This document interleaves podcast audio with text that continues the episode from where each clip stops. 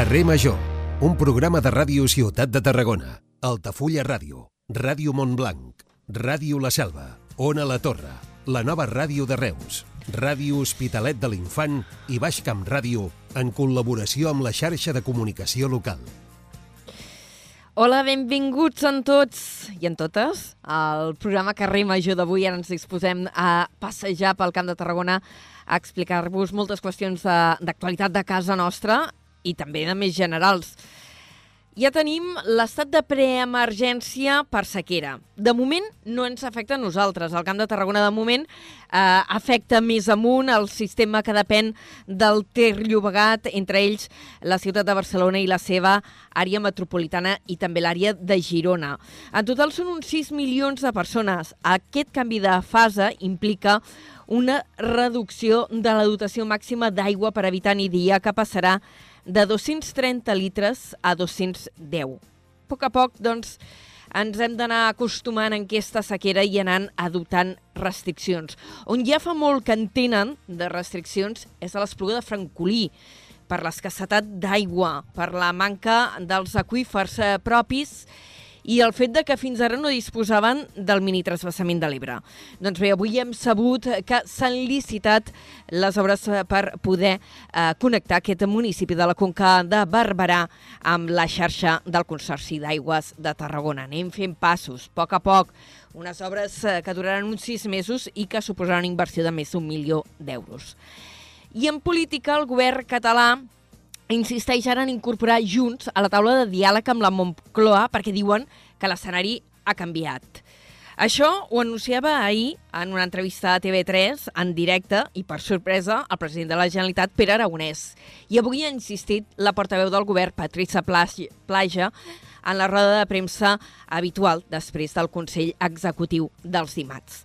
En paral·lel, la mesa del Congrés ha validat la tramitació de la llei d'amnistia, tot i que se sap que el procés no serà fàcil perquè es preveu que el text haurà de superar un periple parlamentari que el PP i Vox busquen torpedinar amb recursos i recusacions. I en paral·lel, l'Audiència Nacional ha demanat al Suprem que investigui per terrorisme Puigdemont, Rovira, Wagensberg i nou persones més per la seva suposada implicació amb el tsunami democràtic. Tot això en política. I si per si de cas us passa alguna cosa avui i necessiteu el 112 o el 061, que és el telèfon de salut, que sapigueu que ja funcionen i han recuperat la normalitat després de la incidència que han patit aquest matí. Això és Carrer Major, el programa que fem 8 emissores del Camp de Tarragona. Us acompanyem des d'ara fins a les 6. L'Iris Rodríguez, l'Aleix Pérez, en David Fernández, la Gemma Bufies, la Cristina Artacho, l'Adrià Requesens, en Jonai González, l'Antoni Mellados, Antoni Mateos, jo mateixa, que sóc l'Anna Plaça, i tocant els botonets del programa El Iago Moreno. Comencem.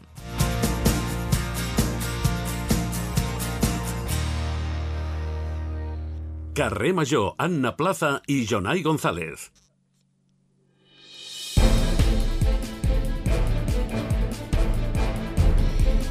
4 i 6 minuts feta la presentació del programa d'avui, que per cert no ho hem dit, avui fem l'edició 1163 de Carrer Major. déu nhi ja.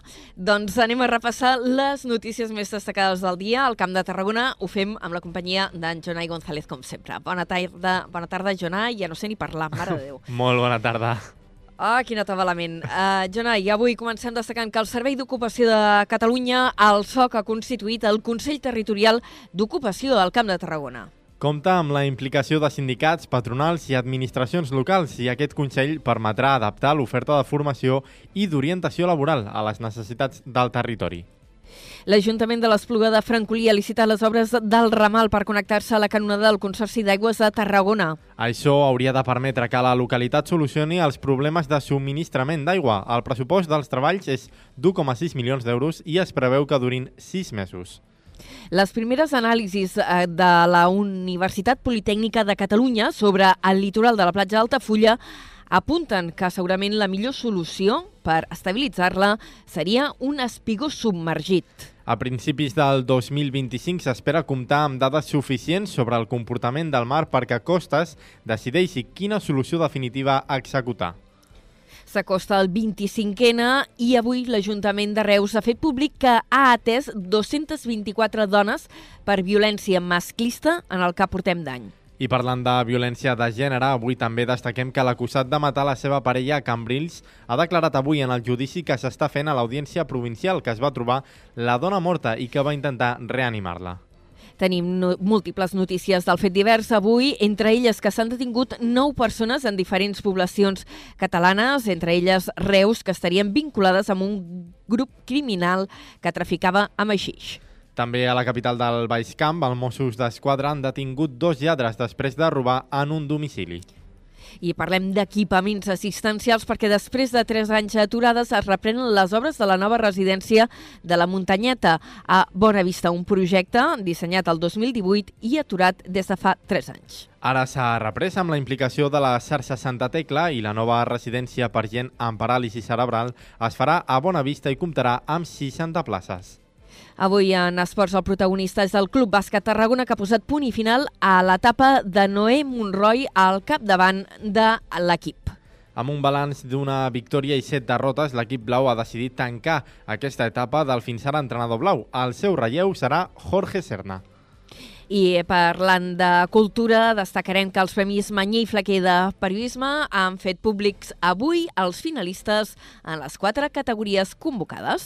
En la categoria Camp de Tarragona, dotada amb 8.000 euros, els finalistes són un reportatge del Sense Ficció sobre els residus que arriben a Catalunya, el reportatge Tarragona com respires, a més a Tarragona Ràdio, i el documental Bombes sobre Tarragona de TAC 12. Moltes gràcies, Jonai. Tot això i altres notícies, perquè en tenim moltíssimes. Avui ho repassarem uh, d'aquí mitja hora aproximadament, mitja hora 40 minuts. Fins després. Fins després.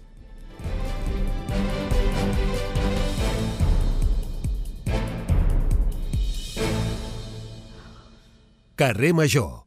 Toni Mateos.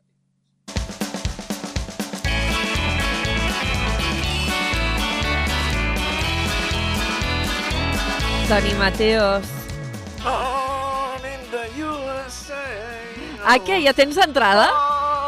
Ja tens entrada? Què? Sí o què? Sí, senyora, dos entrades. Ai, molt bé! Et felicito. Quant t'han costat? Vinga, va. Una, un ull de la cara i mig de l'altre. Mira, Anna Plaça, les dues Què? entrades, perquè ja soc, ja soc senyor gran, ja m'he de Eh, seure. Sí, bueno, Sí. jo també, eh? Jo no sóc tan gran com tu, quasi, però... Ja m'he de seure i he d'agafar un lloc per, per reposar el, el culet i descansar. Ah, Sí. M'han costat, Atenció... atenció, 232 euros! Bueno, ui. Bueno, ja pots comprar loteria, eh? A veure si et toca alguna cosa i, compenses la inversió. Mare Eh, però i el bé que tu, pa- lo bé que tu passaràs veient Bruce Springsteen. Un Aquest senyor cop. que té 70 no sé quants anys i sembla que en 74. tingui 20. Està tan 74. estupendo. Jo sóc molt fan d'aquest senyor. Només És per lo un- bé que es conserva. És un crac, és un crac. Ja. I, I mira, el vaig veure, doncs, a, a, al juny. Però tor se'n tornem-hi. Ai, Es, escolta, uh, Digues. saps què m'ha dit avui el Josep, d'aquí de la ràdio, el meu company, que sembla un sofà. Que sembla el sofà de la seva àvia. Per què? perquè vaig vestida de pana. Avui he estrenat el conjuntet nou de la temporada. Molt bé. Eh? I això et diu el Josep. Mare I el Josep m'ha dit, dit que, que, que és sembla un sofà. Ostres, Josep, a veure, home. A veure, mira, però després ha dit de que li venia ganes de tocar, o sigui que mira, ho han compensat una miqueta, eh? Allò Bueno, d'en plan, ara et faria és que la acaricietes, pana vinga, és, va. És de tocar, és de tocar. És de tocar, és de tocar. Escolta, ja que parles de, de música, ens queda una mica lluny, però com que estic segura que hi ha gent d'aquí del Camp de Tarragona que se n'anirà al Primavera Sound, perquè de malalts de Sí. música n'hi ha molts, doncs avui s'han fet públics qui seran els caps de cartell, i entre ells hi ha Pulp, The National, Luna del Rei, Oh. Vampire Weekend i Azar. Vaja, vaja, vaja. Doncs mira, ara Eh, ja fan- t'has gastat. I PG Harvey, que aquest és un històric. Harvey, PJ Harvey, sí, sí. I Palp, ostres, els Palp. Palp, El Jarvis, què? Jarvis Però- Cocker tornarà. Uf, que bé, que bé. Tio, tu. Vinga, doncs ara ja t'has gastat les, els quartos per, uh, pel concert de, l'Springsteen? de l'Springsteen, doncs ara, ara et toca gastar-te'n pel Primavera Sound. Per Palante. Primavera Sound. Ah, vinga. La, la paga extra de Nadal ja sabem on va parar. On va parar. Mare meva. Ai, musiqueta, Mira. gasteu en cultura, gasteu en cultura. Gasteu en cultura. És veritat, gasteu en cultura. doncs mira, aquesta tarda molta cultura. Parlarem Vinga, de va. Parlarem de teatre, que sé que t'agrada molt, amb Sí, la gent de- de... Digues, Qui, qui tindràs, qui tindràs, qui tindràs? Digue'm, digue'm. Antagonista teatre. Antagonista teatre. Que vindrà la Marta Antolín? No, vindrà la Dolors Quintana i la Viviana de Salvador. Ah, molt bé. Bueno, la, mira, amb la Viviana jo hi he fet teatre. És tan gran la Viviana de Salvador. És molt bona actriu i filla d'una grandíssima actriu, que és la Montserrat Salvador, que crec que encara és viva i bueno, estava ja tubeta perquè té una edat, passa dels 90, i filla d'un gran mm, director de teatre també. Eh? Aquí et vaig colant informació, filla de l'Esteve Polls, eh? O sigui, ve de família teatral De teatrera, teatrera, i, teatrera. i és increïble la Viviana. I amb la Dolors Quintana també hem coincidit poc o molt. Molt rebé, molt rebé. Veus? Després tindrem a l'Agnès Toda. maca. També gent maca. Toda. Sí, sí, i tant. Agnès Toda, que ens parlarà del català i la música urbana. Ai, Allò guai. De, el Figaflaues, que po posen ara paraules com teteo, meneo, salseo i aquestes coses, doncs, amb el Sí. català, què en pensen els lingüistes? I, I el bailoteo de dels tiets, I el també. bailoteo, i coti per coti, i Coti- que de vegades parlen en castellà. Dels cotilleus, sí. Els veritat, veritat. la, la musca, bueno, en fi. També en els ODS parlarem amb la gent de la cooperativa Copcam per parlar de la tercera edició de Comunicació Crítica i Salsera. Veus? Salseo. Ah, mira, el Veus salseo. El Salseo. Banda sonora del Camp de Tarragona i la furgoneta doncs, de Cristina Artacho s'anirà a parlar al Centre d'Art Contemporani Mèdul de Tarragona. Ah, sí, que fan coses molt xules. Veus, ha canviat de plans avui, perquè em sembla que volia anar al rec i al final se'n va al mèdul. Bueno, Se'n va al. Mèdul a parlar sobre l'acció Fars Libertis. Ai, sí. Que hi ha gent que s'ha preguntat què és aquest cap que hi ha damunt del portal de Sant Antoni de la Muralla? Avui ho Doncs mira. sabreu. Avui ho sabrem. Avui ho sabreu. I tant. Toni Mateus, tot això a partir de les 5 de la tarda. Moltes gràcies. Quina enveja que m'estàs fent, eh? Quanta estona... el Quanta estona... No, no, espera't, espera, espera. Quanta estona has estat per aconseguir l'entrada? Jo és que ja ni ho intento, ja... Pff, A veure, m'he connectat a les 9.30 per estar Sí? a la cua virtual sí? i han estat, quan he entrat, he entrat sobre les 10 i 10, una coseta així, i ha estat ràpid en comprar-la. Sí. Ah, mira, tres quarts... Eh, no has arribat als tres quarts d'hora. No, no, no, no. Jo no ho aguantaria, eh? també t'ho he de dir. Per això no tinc entrades per anar a veure Born in the U... No cantaré que ho faig molt malament. Mira com riu. Toni Mateus, Fins fins d'aquí una estona. Petonets. adéu. Adéu. Tot el que passa al Camp de Tarragona t'ho expliquem a Carrer Major.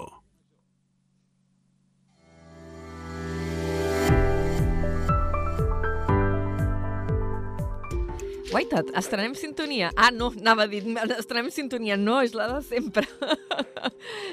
Iago, et diré que m'agradava més l'altra, eh? perquè aquesta la començo a tenir avorrida, però això ja en parlarem. Ara és moment d'emprendre la primera entrevista de, del programa. Avui conversarem amb un investigador eh, de la Universitat Politècnica de Catalunya i direu, per què ens n'anem a parlar amb un investigador d'una una universitat de Barcelona? Doncs perquè està a punt d'iniciar un estudi d'un tema que ens toca molt de prop. És un estudi sobre l'impacte del mar als paisatges marítims. Ell és en Conrado Altamori, que és italià eh, d'origen, però establert aquí a Catalunya de fa anys. És investigador Ramon i Cajal al Laboratori d'Enginyeria Marítima de la UPC i ara ha obtingut una beca Leonardo, eh, que és una beca que la Fundació BBVA eh, destina a investigadors d'entre 30 i 45 anys i el seu projecte està relacionat amb aquesta qüestió que dèiem que ens tocava tan de prop. Professor uh, Altamor, Altomare, diguem-ho bé, Altomare, uh, benvingut, bona tarda, benvingut a Carrer Major. Hola, bona tarda.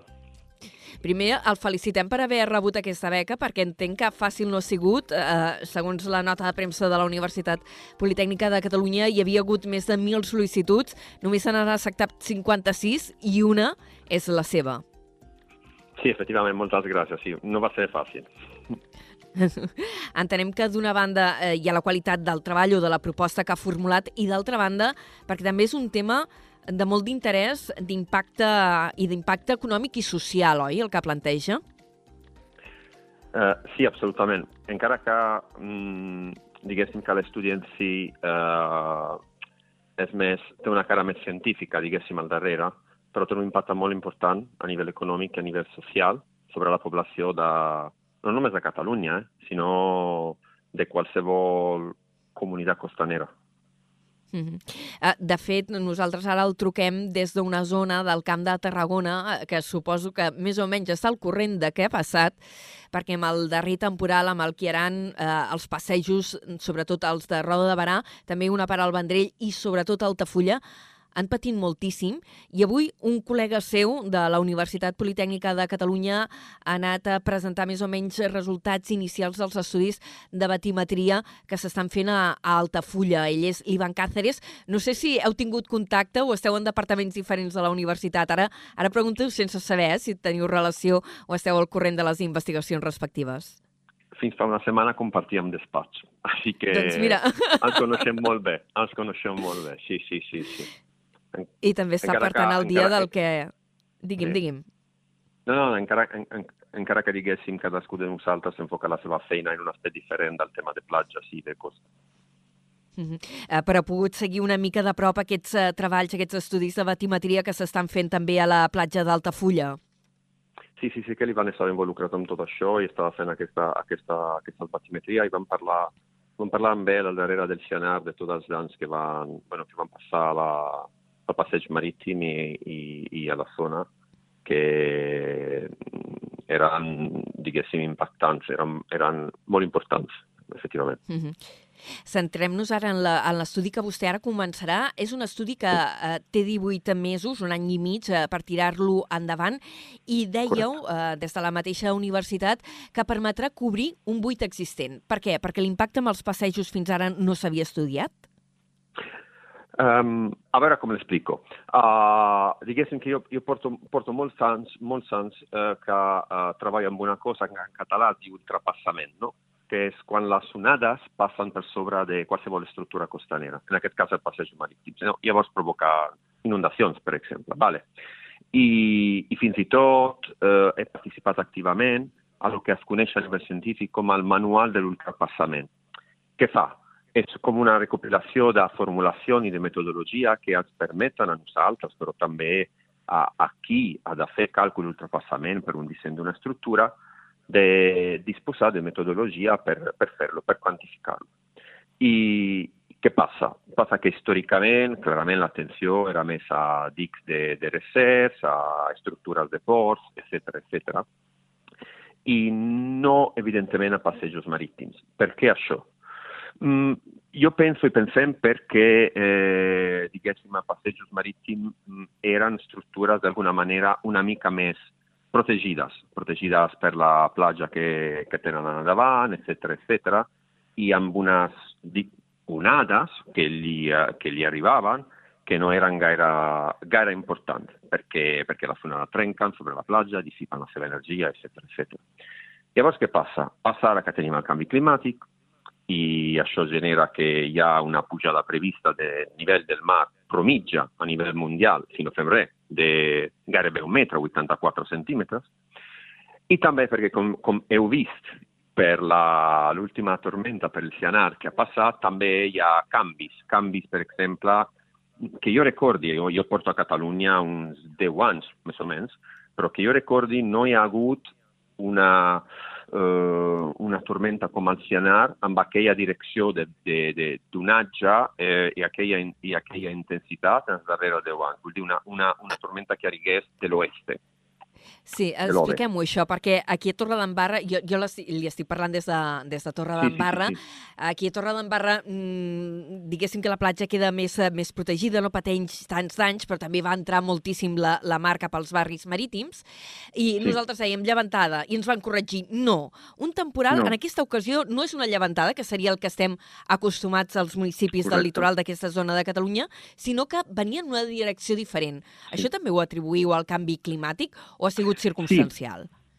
No, no, hi ha estudis, hi ha estudis de ja fa, un, crec, 5 anys o 4 anys, que a nivell global, clarament no a la zona només catalana, però a nivell global marcaven aquesta, aquest canvi.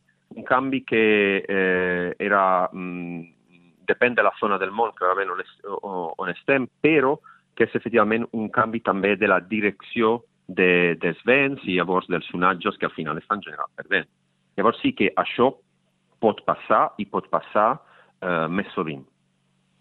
Uh -huh. I permeti'm que li traslladi unes paraules de fa potser un parell de setmanes de, de l'alcalde d'Altafulla, precisament, sí. eh, del Jordi Molinera, de, davant de les afectacions que va provocar aquest darrer temporal, mm. que deia, estem veient coses a la nostra platja, que ja era d'origen una platja bastant pedregosa eh, i feble, ja d'origen, eh, abans que s'hi fes aquesta intervenció, el passeig, etc etc. Però diu, estem veient ara coses que esperàvem veure d'aquí 10 i 15 anys. I li demano que bueno. comenti aquestes paraules. No sé si s'estan trobant també de la gent que estudia eh, els efectes, com, com vostè, de, eh, dels moviments eh, marítims i els impactes en infraestructures, si també esteu veient coses que no es preveieu veure fins més endavant. Diguéssim que són coses... O sigui, quan nosaltres fem estadística i fem previsió, clar, això s'actualitza cada vegada. O sigui, jo faig un exemple. Fa tres anys, just tres anys, va, tothom va veure la tormenta Glòria i el que va produir. Això sí era una. Sí. Vale, això sí. I va ser molt, molt intensa, va durar tres dies gairebé, amb una intensitat molt alta durant gairebé un dia, etc etc etc. Vale, però el Glòria també ha fet història en el sentit que ha fet estadística. O sigui, que just al darrere, just quan ha acabat, hem tingut que actualitzar les nostres previsions en funció. Llavors, cada, cada tormenta, cada temporal que passa, cada esdeveniment que passa, ens obliga a eh, reajustar les nostres prediccions. Vale. I mm, pot ser que fa 10 anys no s'esperaven mm, casos com el del Cianar. I jo, jo mateix no, bueno, imagino que vosaltres ho heu mirat, però jo mateix al dia del Cianar, al dia del Cianar, quan he mirat el que està passant sobre tot Europa, perquè això estem parlant de tot Europa, va semblar com un, un huracà sobre el continent europeu, una cosa que efectivament no estava, o sigui, no, no estava prevista fa, fa anys. Pot ser que això canvi una altra vegada i pot ser que no som capaços de preveure el que al que passi d'aquí a 20 anys? Mm, no ho sé exactament, en el sentit que sempre ens hem d'actualitzar i ajustar la nostra previsió. Jo, jo, ja, jo, jo he dit abans, hem de fer, hem de mirar a les nostres platges, passeig marítim, estructures i tot això eh, amb una manera una mica més regular. Vale? No només mm -hmm. quan passi alguna cosa, no només quan hi hagi un dany, sinó cuidar-les. Uh, permetin que li pregunti ara exactament pel seu estudi, uh, sí. perquè uh, una part d'aquest treball que ara iniciarà amb aquesta, amb aquesta beca que acaba d'obtenir, beca Leonardo de la Fundació BBVA, um, farà experiments amb un canal d'experimentació amb onades. Com ens ho hem d'imaginar, això? Què és aquest canal? Això són unes instal·lacions de la Universitat Politècnica de Catalunya, però és que m'ha semblat fascinant. Expliqui-ho.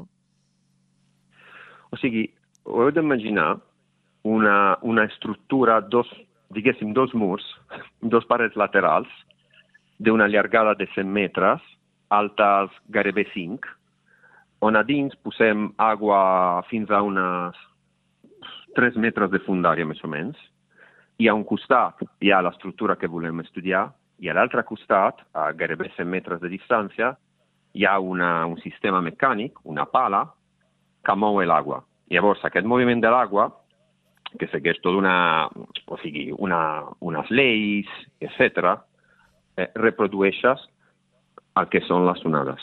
I llavors, nosaltres el que fem és que vem aquestes onades, generem aquestes onades que es propaguen, es mouen a dins del canal fins a arribar a la platja o l'estructura que estem estudiant. I allà és on nosaltres mesurem el que volem mesurar. En el meu cas, mesuraré l'ultrapassament junts al canvi de la platja a peu de l'estructura.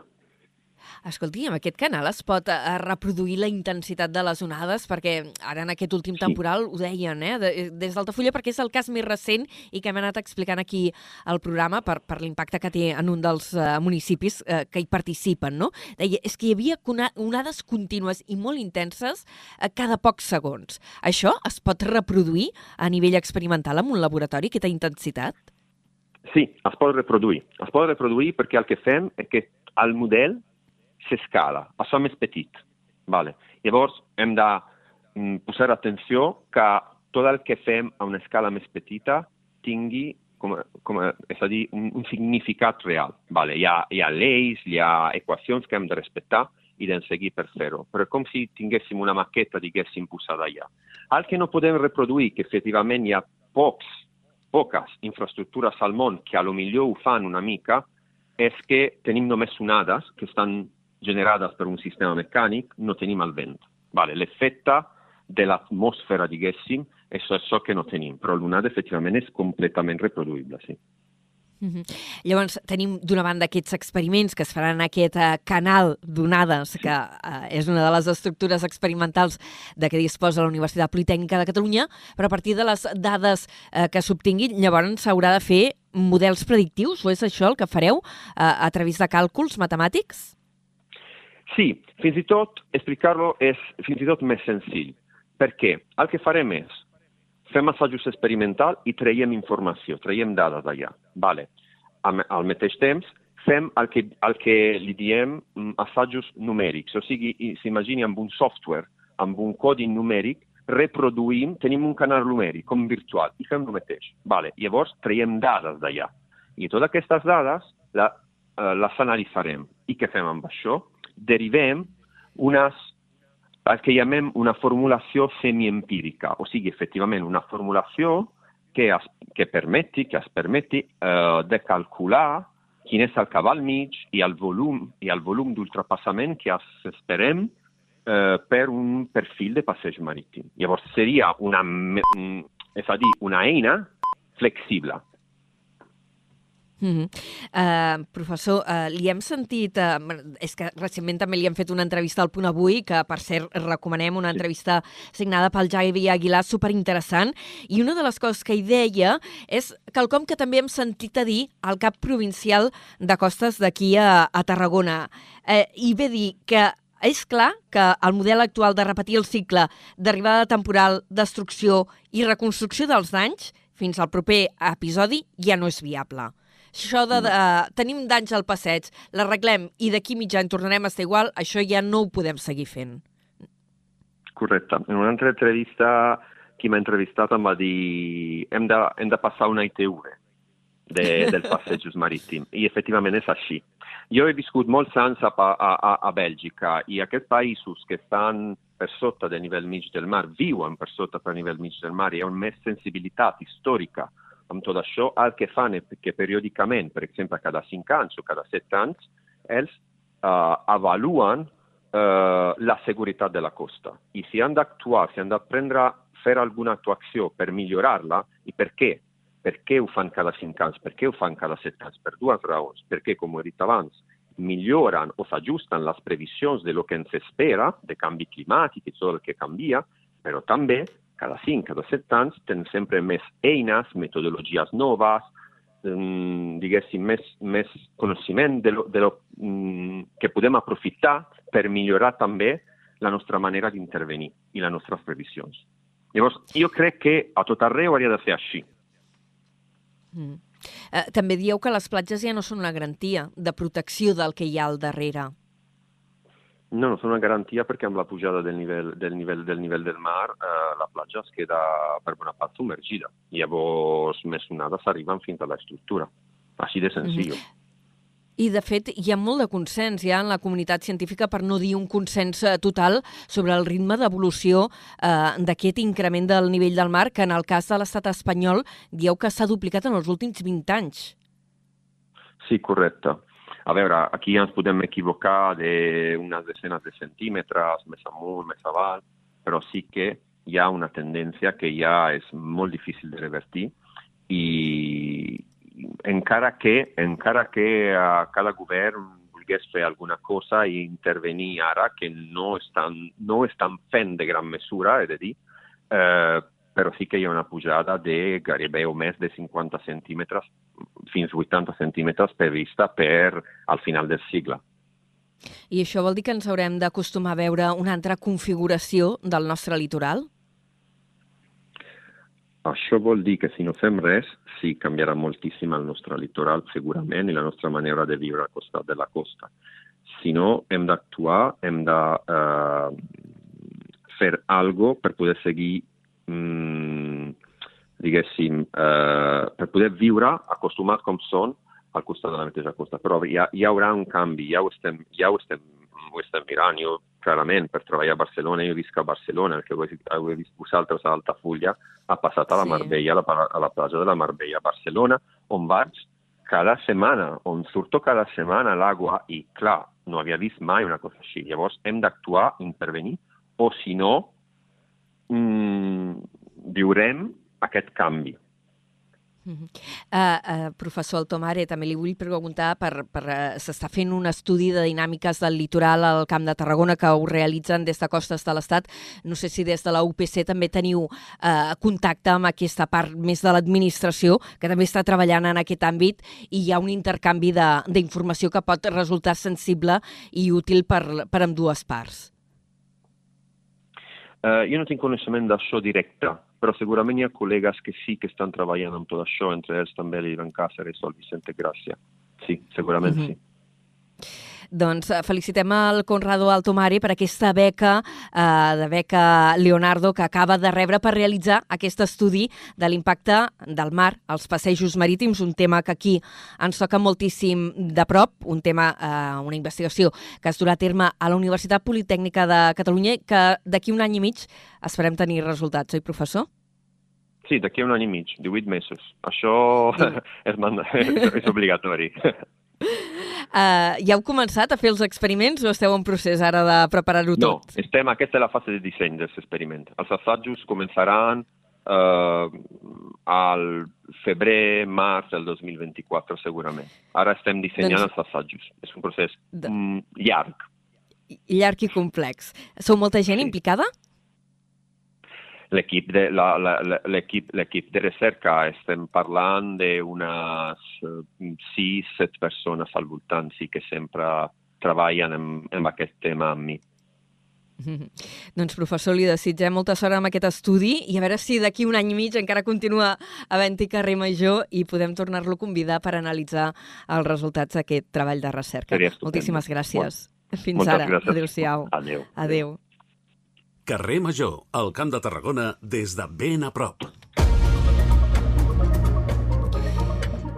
4 i 35 minuts, moment ara d'entrar en detall en les eh, notícies del dia. Abans us les apuntàvem amb titulars, ara les ampliarem i ho fem de nou amb la companyia d'en Jonai González. Bona tarda de nou, Jonai. Bona tarda de nou.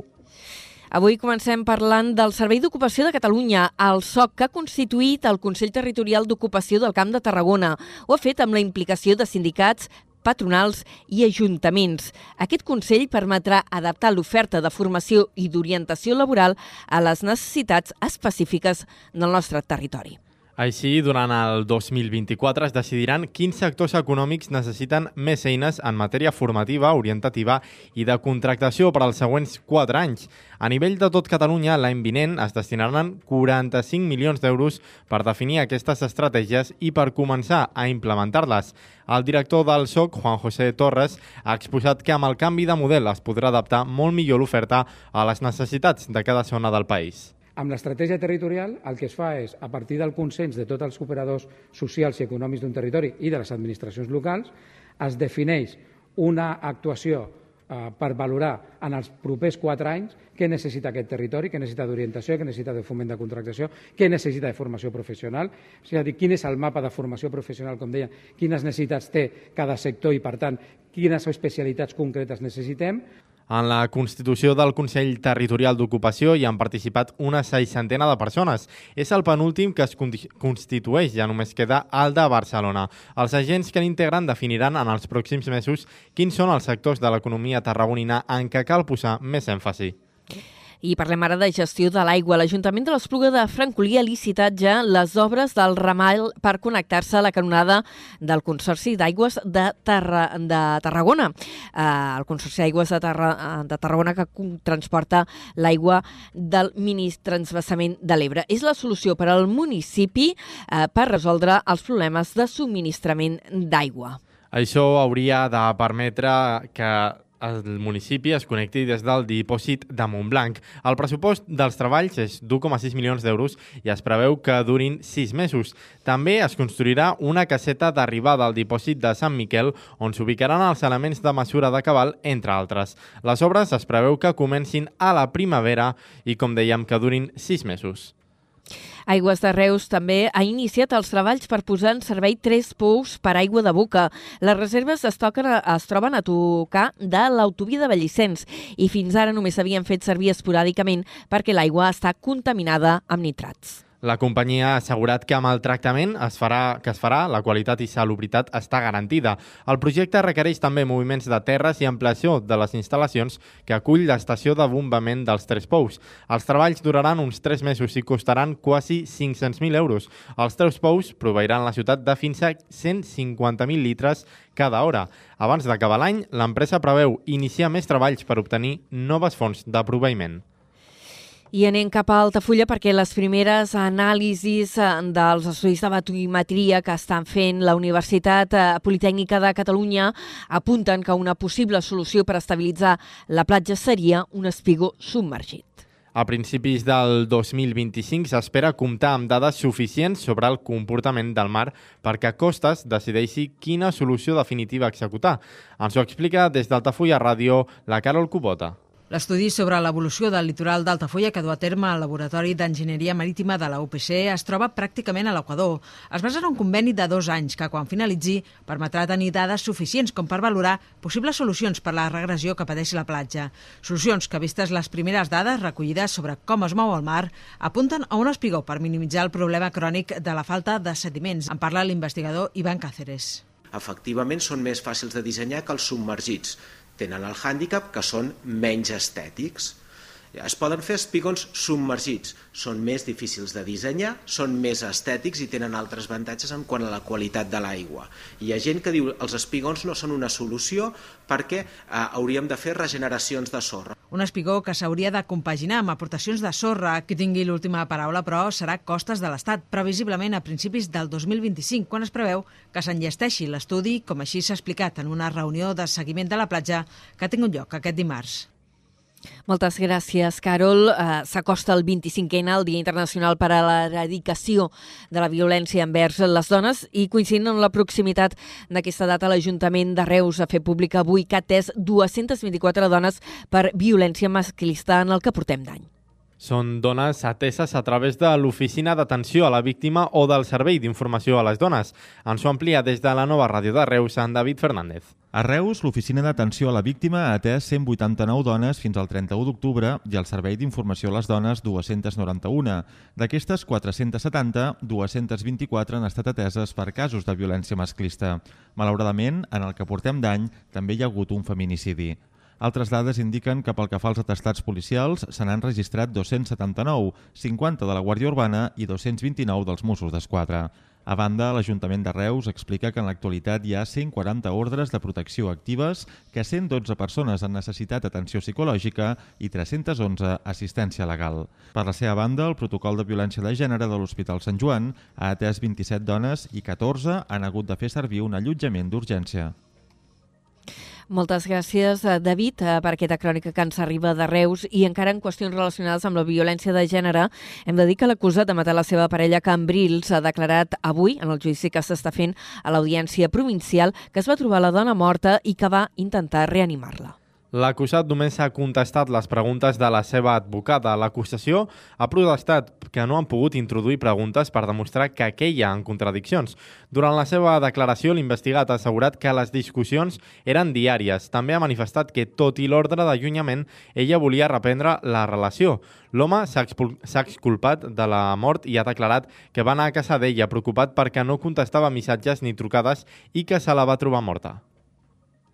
Me, me, me quedo un poco bloqueado. Pamela, Pamela, Pamela, Pamela, veo que está fría eh, que ella tiene, eh, le toco aquí para ver si tiene pulso y, y nada, me pongo súper nervioso y intento, a ver qué hago, qué hago, qué hago, llamo al 112 Els fets que ara jutgen es van produir a Cambrils fa dos anys i la víctima tenia 25 anys. L'acusat es troba privat de llibertat des de finals de juliol de 2021 pel presumpte assassinat. Demanen 25 anys de presó per als acusats de matar a Tarragona un home de qui s'haurien deixat una mà al maleter del cotxe. Fiscalia ha sol·licitat una pena de 3 anys més eh, per a la resta d'implicats en l'assassinat per un delicte d'encobriment. L'Audiència de Tarragona jutjarà les sis persones acusades de matar un home i d'encobrir l'assassinat que es va produir la matinada del 26 d'agost de 2021 a la capital tarragonina. El Ministeri Públic assegura que van aprofitar la seva superior, superioritat numèrica per agredir amb ganivets i destrals la víctima que va morir arran de les lesions. Hores més tard, els investigats van col·locar el cadàver al maleter d'un cotxe per llançar-lo al riu Ebre entre la Ràpita i Sant Jaume d'Enveja. En un control, agents de la Guàrdia Urbana de Tarragona van trobar la mà amputada que s'havien oblidat de tirar.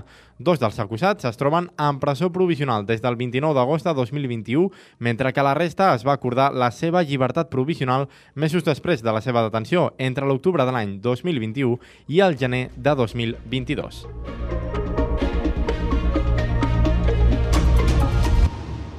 Un minut i seran tres quarts de cinc de la tarda. Ara parlem de la Junta de Seguretat Local de Valls que s'ha celebrat avui amb la implicació dels cossos dels Mossos d'Esquadra, Guàrdia Civil, Policia Local i també l'Associació de Voluntaris de Protecció Civil. En aquesta reunió han acordat mantenir el reforç de la presència policial al carrer i els dispositius de seguretat ciutadana que en l'últim any han contribuït a reduir d'una manera important les xifres delinqüencials. Des de Ràdio Ciutat de Valls ens ho explica en David Prats. La reunió celebrada ahir dilluns va ser presidida per l'alcaldessa de Valls Dolors Ferrer i va comptar amb la participació del delegat del govern de la Generalitat de Tarragona, Àngel Xifré, el director general de Coordinació de Policies Locals, Marc Costa, la directora dels Serveis Territorials d'Interior a Tarragona, Eli Llombard, la primer tinent d'alcaldia, Teresa Rull i el regidor de Seguretat Ciutadana i Protecció Civil, Enric Garcia. Les mesures implementades el 2022 i el treball coordinat entre els diferents cossos han contribuït a reduir els robatoris en un 30% i un descens generalitzat de les infraccions penals en un 8,2%. L'Ajuntament de Valls ampliarà en els propers mesos el desplegament de càmeres de videovigilància al Portal Nou i aparcaments municipals i instal·larà lectors de matrícules a tres noves entrades de la ciutat. Moltes gràcies, David. I seguim en crònica de fet divers perquè la Policia Nacional ha detingut a Tarragona un home que tenia un ordre de detenció de França per assassinat. De fet, les autoritats franceses l'acusen de matar un rival en un control de tràfic d'estupefaents. Per aquests fets, l'home s'enfronta a una condemna de cadena perpètua a França. La Policia Nacional l'ha detingut aquest diumenge després de rebre una comunicació urgent de part de la policia francesa. El detingut no tenia antecedents penals a Espanya i va passar a disposició del corresponent jutjat central d'instrucció. Detenen nou persones en diferents poblacions catalanes, entre elles Reus, vinculades amb un grup criminal que traficava amb aixix. Aquesta matinada s'han iniciat aquests escorcolls en diverses ciutats del país. Ens ho amplia des de la nova ràdio de Reus, en David Fernández. La Guàrdia Civil ha detingut nou persones en un operatiu policial que ha tingut lloc aquest dimarts i que s'ha iniciat de matinada en diferents municipis del país. En total, s'han fet una vintena d'escorcolls i entrades en poblacions barcelonines com Martorell, Sant Andreu de la Barca, Terrassa, Sant Vicenç dels Horts, Piera i Castellbisbal, però també a Reus. Entre les nou detencions ha els principals líders de la trama criminal i tres s'han efectuat a Martorell. La policia ha intervingut diners, drogues i una plantació de marihuana i ha confiscat dos vehicles. Aquesta operació és la continuació d'una altra que es va tirar endavant a l'estiu i que va detenir 17 persones i va interceptar 4,5 tones de hachís que s'anaven a introduir a Catalunya a través del Garraf. I també a Reus, els Mossos d'Esquadra han detingut dos lladres després d'intentar robar en un domicili. Els assaltants van utilitzar una escala per entrar pel balcó. Des de la nova ràdio de Reus, novament se'ns ho explica en David Fernández. A les 4 de la matinada del passat dilluns, una patrulla dels Mossos que feia tasques de prevenció de delictes va rebre un avís per un robatori al carrer Glorieta de Ramiro Ortega. Una vegada hi van arribar, van comprovar que s'havia perpetrat un robatori i que els dos lladres havien aconseguit fugir en veure sorpresos pels propietaris. Una altra patrulla de paisà va aconseguir detenir-los per un presumpte delicte de robatori amb força, després de veure que es contradeien i que donaven versions que no coincidien. Els arrestats de 26 i 28 anys tenien dos tornavisos a sobre en el moment de la detenció. El mateix dilluns van passar a disposició del jutjat en funcions de guàrdia de Reus. I més uh, qüestions. Ara parlem d'un accident mortal que hi va haver ahir a l'Alcamp, en què va morir un home de 61 anys uh, quan va volcar el tractor en què circulava en una finca de Vilavella. Els Mossos creuen que el conductor uh, va intentar passar d'un marge a un altre quan el vehicle hauria volcat.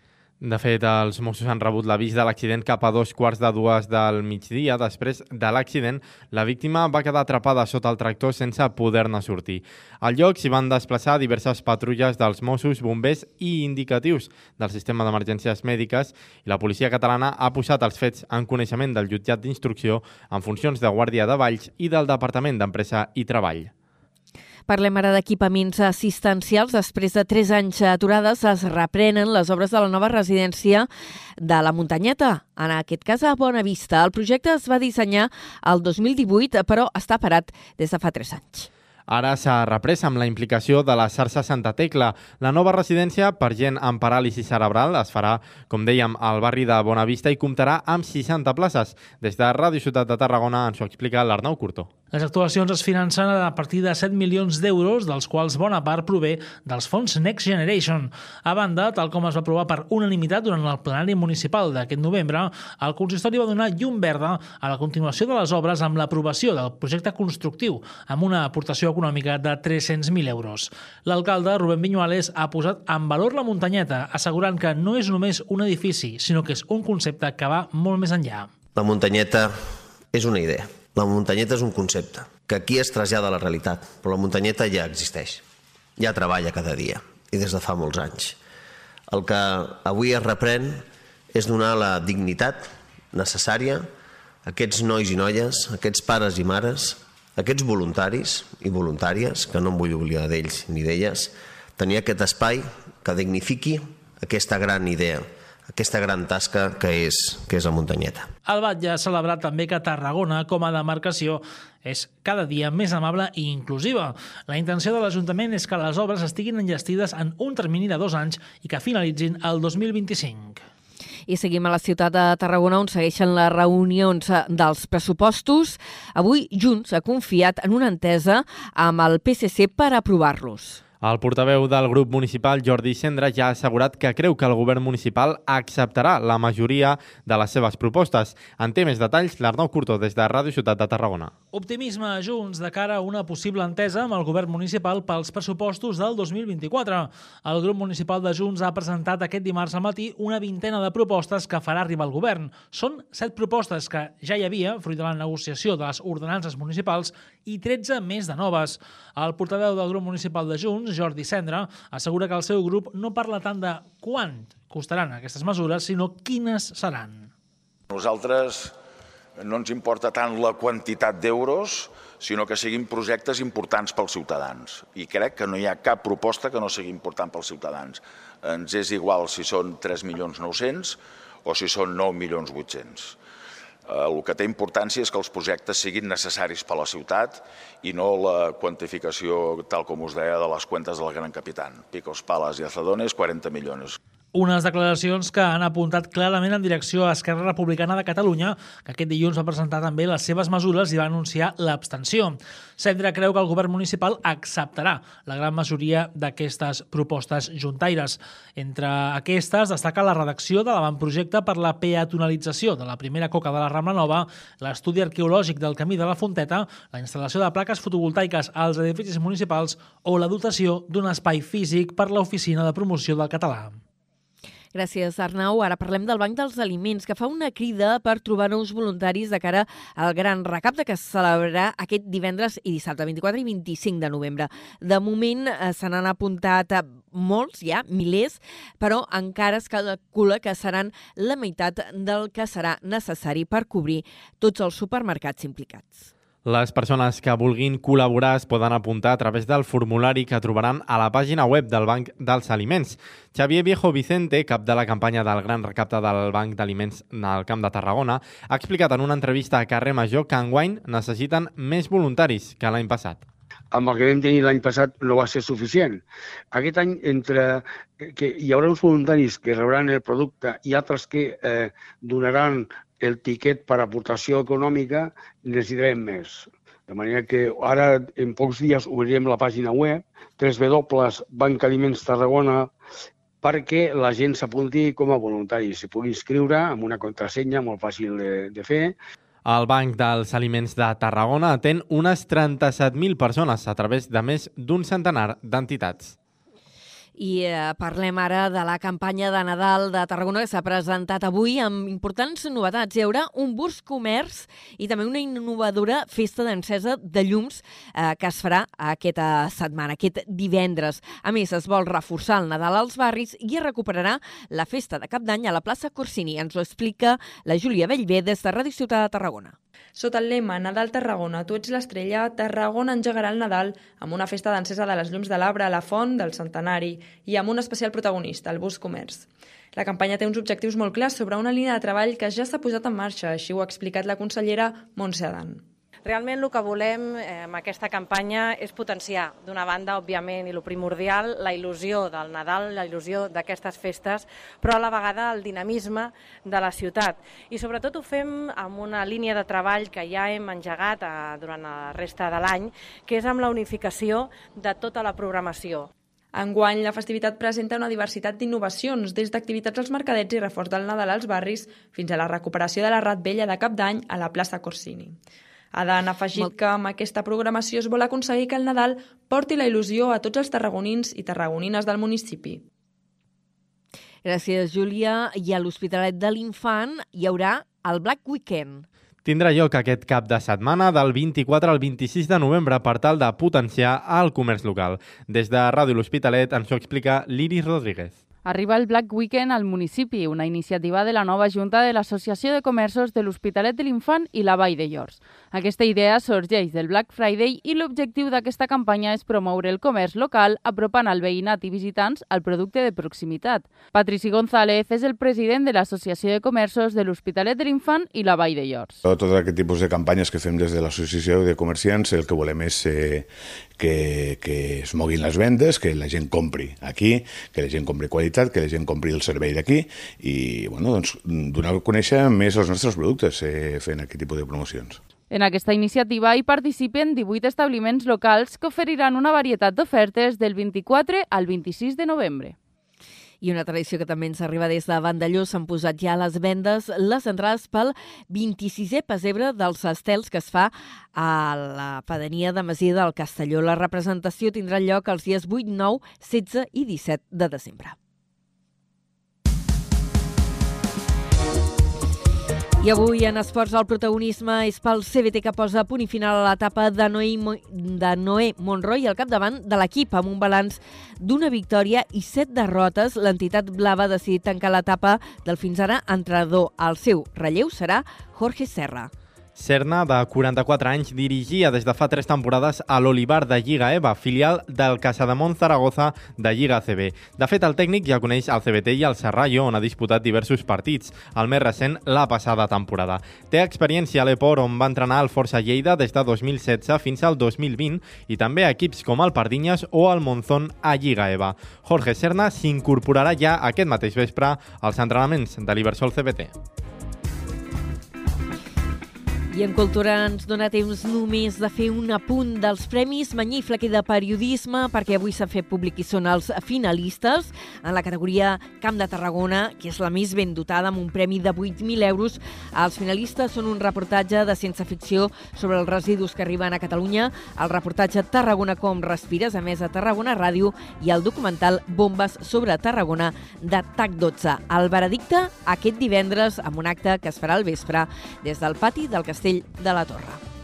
I fins aquí la primera hora de carrer Major i tornem ara a les 5 i torna el Toni Mateos amb l'Aleix Pérez i companyia. Fins ara.